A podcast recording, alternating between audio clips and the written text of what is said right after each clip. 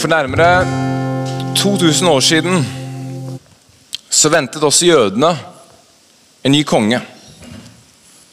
Det var likevel uenighet i hvordan denne kongen skulle se ut. Hvordan skulle han være?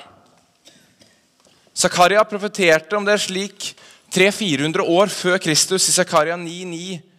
Rop høyt av glede, Sions datter. Bryt ut i jubel, Jerusalem. Se, din konge kommer til deg. Rettferdig er han, og seieren er han gitt. Ydmyk er han og rir på et esel, på den unge eselfolen. Og i dag, på palmesøndag, entrer vår konge Jerusalem på en eselfole. Ikke mye annerledes enn hva Zakaria hadde profetert om 300-400 år før. Vi leser Da han hadde sagt dette, dro han videre på en vei opp mot Jerusalem. Og som han nærmet seg Betfage og Betania, ved den høyden som heter Oljeberget, sendte han to av disiplene sine av sted og sa, Gå inn i landsbyen som ligger foran dere. Når dere kommer inn i den, skal dere finne en eselfole som er bundet, og som aldri noe mennesker har sittet på. Løs den og før den hit. Og om noen spør dere, hvorfor løser dere den? Da skal dere svare, Herren har bruk for den. De to gikk av sted, og de fant det slik som han hadde sagt. Da de løste folen, spurte de som eide dem, hvorfor løste dere folen? Herren har bruk for den, svarte de. Så leide de folen til Jesus, la kappene sine på dem og lot han sette seg opp. Og Der han red fram, bredte folk kappene sine ut på veien. Da han nærmet seg skråningen ned fra Oljeberget, begynte hele disippelflokken i sin glede å prise Gud høylytt for alle de mektige gjerningene de hadde sett. De ropte 'Besignet i Herrens navn være kongen, han som kommer. Fred i himmelen og ære i det høyeste. Noen fariseere som var med i folkemengden, sa til ham, 'Mester, tal dine disipler til rette.' Men han svarte, 'Jeg sier dere, dersom de tier, skal steinene rope.' I inngangen til Westminster Abbey i London så er det et monument til ære for William Wilberforce. For dere som ikke kjenner William Wilberforce, så anbefaler jeg at dere googler og leser historien om hans liv også i påsken, ved siden av da selvfølgelig påskeevangeliet. Kort fortalt var det han som begynte å kjempe i det britiske parlamentet i 1789 for å få slavehandelen avviklet i det britiske imperiet. Etter mange års kamp hadde han det i 1807 klart det. Og i 1833, noen uker før han døde, fikk han oppleve at frigjøringen av slaver på generell basis ble vedtatt. Når da parlamentet i Storbritannia skal ære denne mannen, så skal det visstnok stå under det monumentet i en tid med store og mektige menn, var han den som forandret karakteren i sin tid. Disiplene og deler av folkemengden forsto hva som var i ferd med å skje. Og deler av Jerusalem brøyt ut i jubel når Jesus ridde inn i Jerusalem. Fariseerne forsto trolig også hva som var i ære. For var det noe de visste noe om, så var det nettopp hva som sto i profetene, i Toraen. De kjente nok veldig godt til Zakarias sin profeti om en kommende fredskonge som skulle komme ridende på et esel. De forsto helt sikkert den koblinga. Men de var ikke de i folkemengden som brettet ut sine kapper når den kongen kom ridende inn. Fordi det var verken den kongen de ønsket seg, eller den kongen de ventet. De ventet en sterk kraftig krigskonge. En ydmyk mann på toppen av et esel levde ikke opp til det bildet.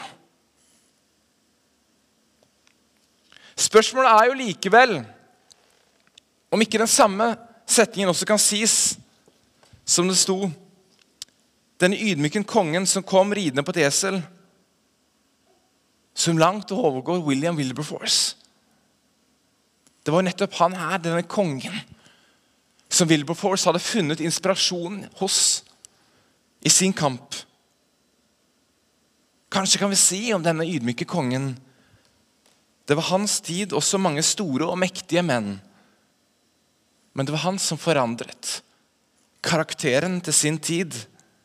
Ja, ikke bare sin tid, men all tid framover. Han forvandlet våre samfunn.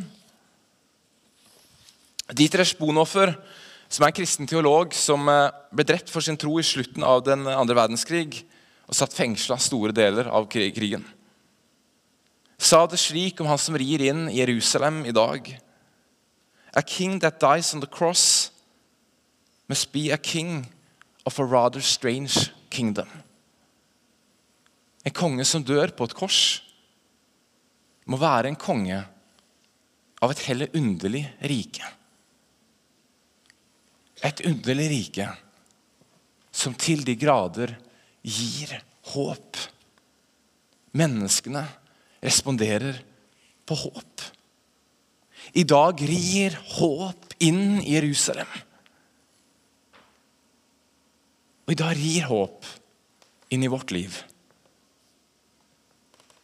Noen la sagt ned sine kapper, hyllet kongen som var på vei. Det var sikkert noen der i mengden som ikke forsto hva som foregikk. i det hele tatt. Og så var disse fariseerne som veldig godt sannsynligvis forsto hva det var som foregikk, men de ville ikke at det skulle skje. For det var ikke slik de hadde forventet seg at denne profetien skulle oppfylles. De veivet ikke med palmegrenene, de brøyt ikke ut i jubel. De gikk bort til Jesus og sa, 'Tal til rette, disiplene dine.' De som visste best av alt hva dette kunne bety. Tal til rette, disiplene dine.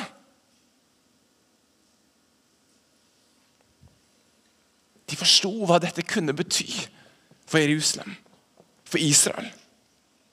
Men de ville stoppe det. Så snur Jesus seg til dem. Og så I mine øyne er den sterkeste setningen i hele denne historien. Dersom de tier, så skal steinene rope. Jesus slår ned forslaget deres. Og er det klart, dette kan ikke stoppes. Mannen, kongen, frelseren, som sitter på toppen av den eserfolien, har vært med. Og ordet i denne verdens skapelse. Og han er med å fullende verket etter Guds vilje. Og Hvis ikke disse menneskene som står her og veiver med palmegrenene og legger ned sine kapler, jubler, så vil skaperverket, steinene, naturen, bryte ut i jubel. I anerkjennelse av hva som er i ferd med å skje. Det vil skje med eller uten fariseernes samtykke. Folket forsto håpet, og de var begeistret. Augustin, Kirkefar Augustin har en, sagt det slik Håp har to nydelige døtre. Sinne og mot. Tett opp til den teksten vi leste i dag, så er teksten hvor Jesus renser tempelet i Jerusalem nettopp i påsketiden. Han gjør det for han mener at de har gjort tempelet om til en røverhule tempelet som skulle være en bønnens hus for alle folk.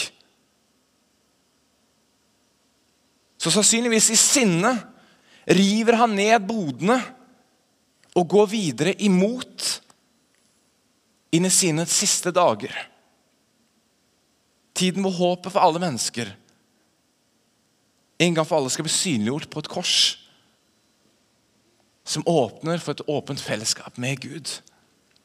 I 1954 så løp sir Robert Bannister som første gang i mann i verden en engelsk mil på under fire minutter. Før denne rekorden ble satt, regnet en med fysiologisk, medisinsk og en hel idrettsverden det som fysisk umulig å løpe en mile under fire minutter. Det fascinerende er likevel at når rekorden først var satt, barrieren var brutt, så sto rekorden bare i 45 dager før den ble tangert. For plutselig var det mulig å løpe under fire minutter. Og det inspirerte andre til å tro at det var mulig. Du ser, håp gjør noe med oss. Håp forandrer faktisk våre liv. Og de gjorde det med den folkeskaren som nå ser kongen deres ridende inn i Jerusalem. Og de gjorde definitivt det for disiplene som hadde vandret med ham, og som nå vandret med ham. De, de så all denne jubelen. De forsto hva som var i ferd med å skje. De skulle bli skuffet seinere. Når han døde på et kors. De fleste av disse disiplene endte opp med å gi sitt liv de døde pga. den troen de bærte. De ble henrettet. De aller fleste av de. Pga. at de så dette håpet som så essensielt å bringe videre. Hvorfor?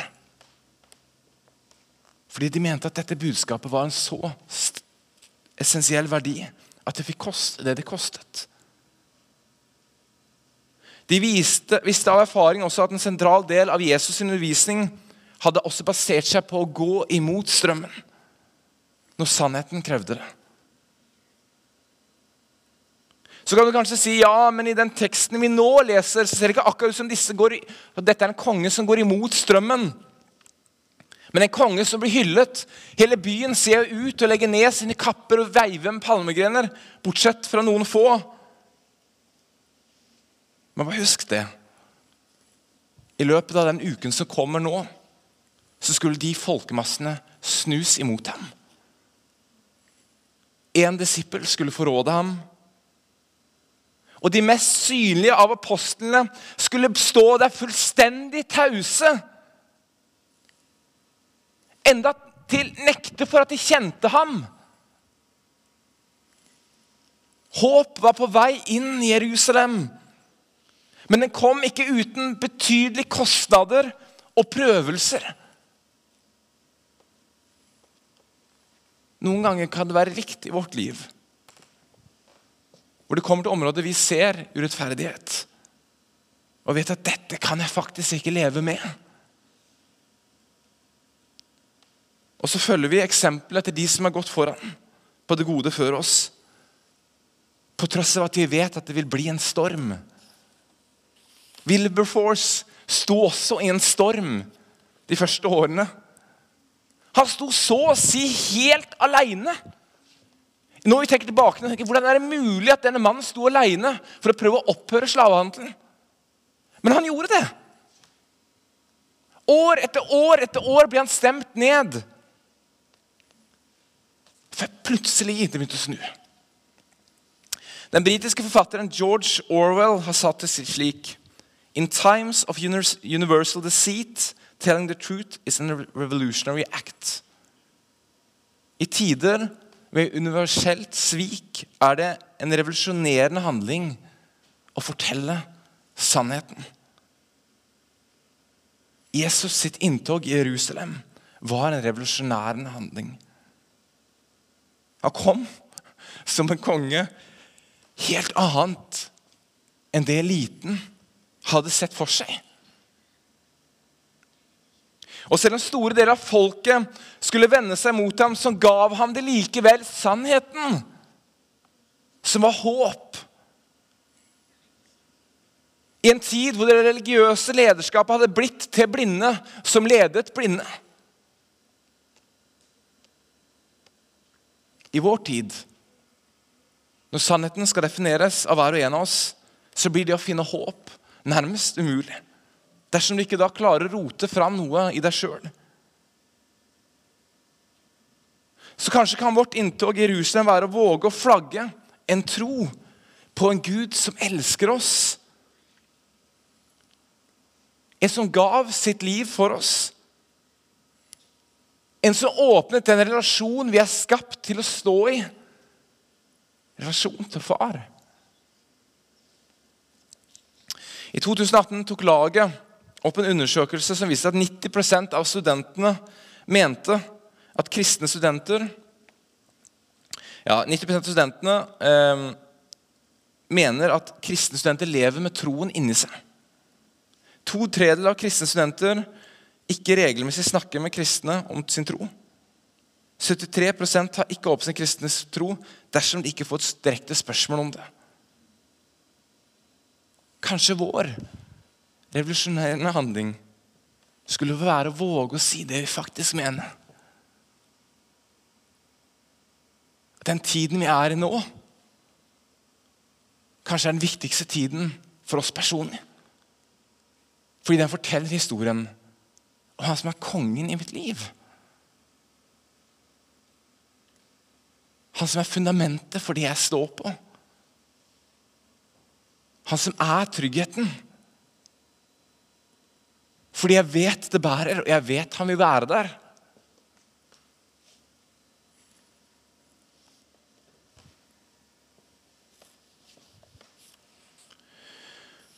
Ofte skrives store deler av den sentrale historien med mennesker som ikke er de som nødvendigvis til slutt pryder overskriftene. Det var sikkert en del av dere som hadde hørt navnet William Wilberforce. Men jeg tipper det er færre av dere som har hørt om Thomas Clarkson. Som noen år før William Wilberforce begynte sin agenda og skrev en artikkel er slavehandelen lovlig og startet uh, Society for Abolishing of the Slave Trade. Som igjen Wilberforce da, som hentet inn Wilberforce til å fronte saken. Altså De menneskene som ikke nå pryder overskriften, hadde jobbet i kulissene lenge. Vet du hvor stor prosentandel som skal til for å forandre et samfunn? Undersøkelser tatt av store universiteter sier at hvis 10% av folk har en bunnsolid tro på noe, så vil den troen over tid bli adoptert av majoriteten. Så Det betyr jo da at Wilberforce måtte komme seg opp og kjempe av disse årene til å komme seg de 10 prosentene. Og så sakte, men sikkert så begynte toget å gå. Jeg våger meg utpå noen dager fram i tid, langfredag. For da skjer nettopp noe av dette. Av en eller annen grunn så vil dere se i langfredagsteksten at de store kanonene, de tunge apostlene, de står bare og ser på. De var ikke tett på ham. Og når Jesus er død, så er det ingen av disse kanonene som våger seg frempå. Men det er en mann der som vi hører om fire ganger i evangelien i Nytestamentet. Han sier ikke et eneste ord det står bare at han var en rettskaffen mann blant folken, folket rådsherre. Som ikke hadde vært med og vedtatt og satt i verk det de andre hadde gjort. Josef fra Arimathea. Vi skal lese akkurat de versene. Men alle de som kjente ham, sto på avstand og så på. Blant dem også kvinnene som hadde fulgt ham fra Galilea. Og Nå var det en rådsherre ved navn Josef, en god og rettskaffen mann, som ikke hadde vært med på det de andre hadde vedtatt og satt i verk. Han var fra Arimathea, en by i Judea, og han ventet på at Guds rike skulle komme. Han gikk til Pilatus og ba om å få Jesu kropp. Og Jesus, Josef tok Jesu kropp, svøpte en linklede og la den i en grav som hugget ut i bergveggen, og som det ennå ikke var lagt noen i. Når det ikke var mer fanfarer palmegrener. Folket hadde vendt hjemover. Kongen var død. Og de som kjente Jesus best, sto og så på på avstand. Så fant denne mannen her, som knapt nok er nevnt, motet i seg til å gå fram til Pilatus og spørre om å få Jesu kropp. I Johannes evangeliet står det enda til at han var en disippel av Jesus, men i hemmelighet. Fordi han var redd for jødene. Det står rett ut. Men tydeligvis hadde punktet kommet i hans liv. Hvor han ikke lenger bare kunne stå og se på. Han måtte ta grep. Han var en del av rådet. Sannsynligvis var han en velstående fyr. Og visste hvordan han skulle bruke innflytelsen sin. Og kan nærmest se for seg når dette rådet kom sammen og skulle avgjøre hvordan, eller hva de skulle gjøre med Jesus, så sto Josef opp mot majoriteten. Han var ikke enig i deres vurderinger. Og på den måten på den tiden man, skulle man kaste sin stemme offentlig og kan nærmest se for seg at Josef går fram foran dette rådet og kaster stemmen. Nei, jeg er ikke enig at denne mannen er en trøbbelmaker som bør henrettes. Hvor var folkene fra overskriftene når det skjedde? De som aldri skulle forlate ham. Alle de kjente som sto og så på i på avstand. Josef fikk med seg Nikodemus, svøpte han i et linklede, gav ham en grav og brukte sannsynligvis en formue på det. Josef fra Amretea så dette veikrysset i historien. Den tilbakeholdne Josef hadde blitt den modige Josef. Kongen er død, men Josef ville gi ham ære. Husker du hva jeg sa tidligere med Augustin? Håp har to nydelige døtre. Sinne og mot. Sannsynligvis så fortsatt Josef et håp. Og nå var det motet i ham som fikk han til å tre fram. Jeg er ikke lenger bare en synus, en disippel som ikke vet er en disippel. Dette er min tid til å vise hva jeg faktisk mener. Og Han gikk fra å være en hemmelig beundrer av Jesus til å bli en etterfølger. Der han bærte Jesus sin døde vekt i sine hender til graven. Hør på disse setningene fra Søren Kirkegård, filosof, dansk filosof.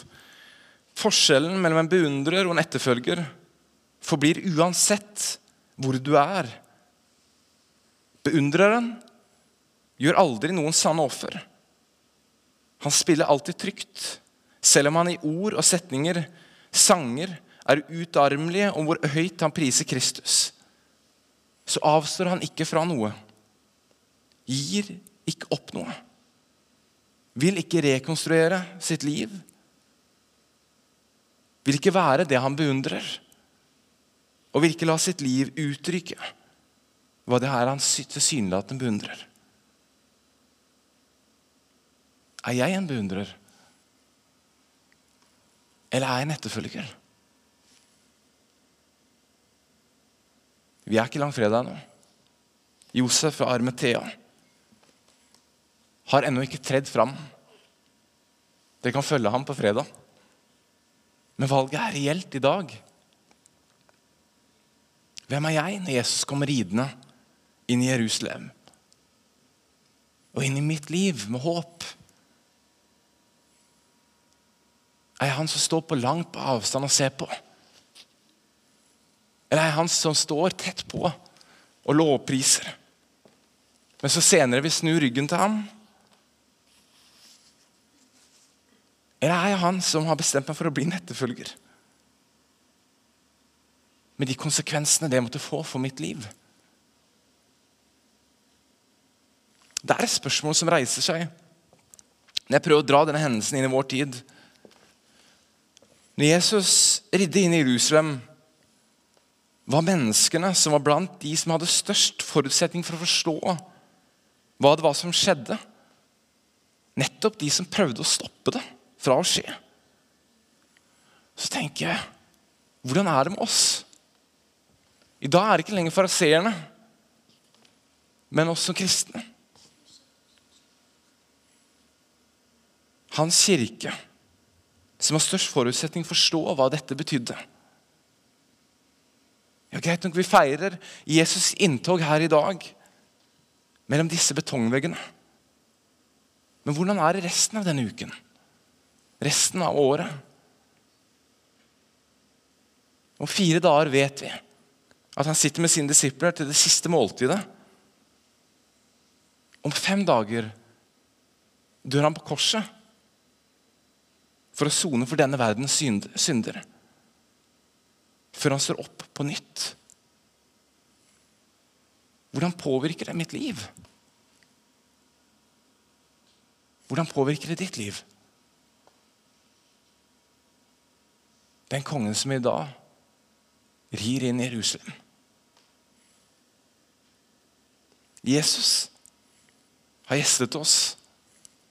Håpet er her.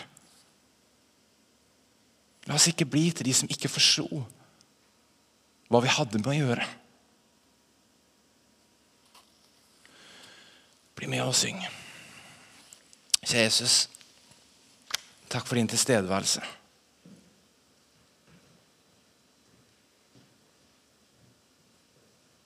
Takk for at vi, du gikk gjennom påsken. Så snudde hele historien.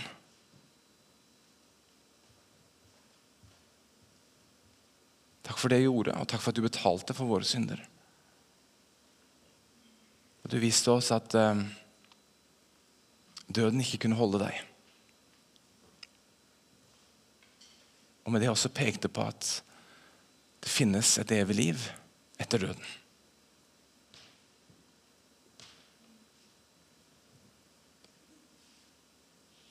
Jesus ber om denne påsken at den får lov å sette inntrykk på oss. Disse dagene som så tydelig markerte ditt liv og kirken sitt liv. La det bli dager jeg kan, som kan gå inn i også mitt liv og sette spor. Få meg til å stille spørsmål.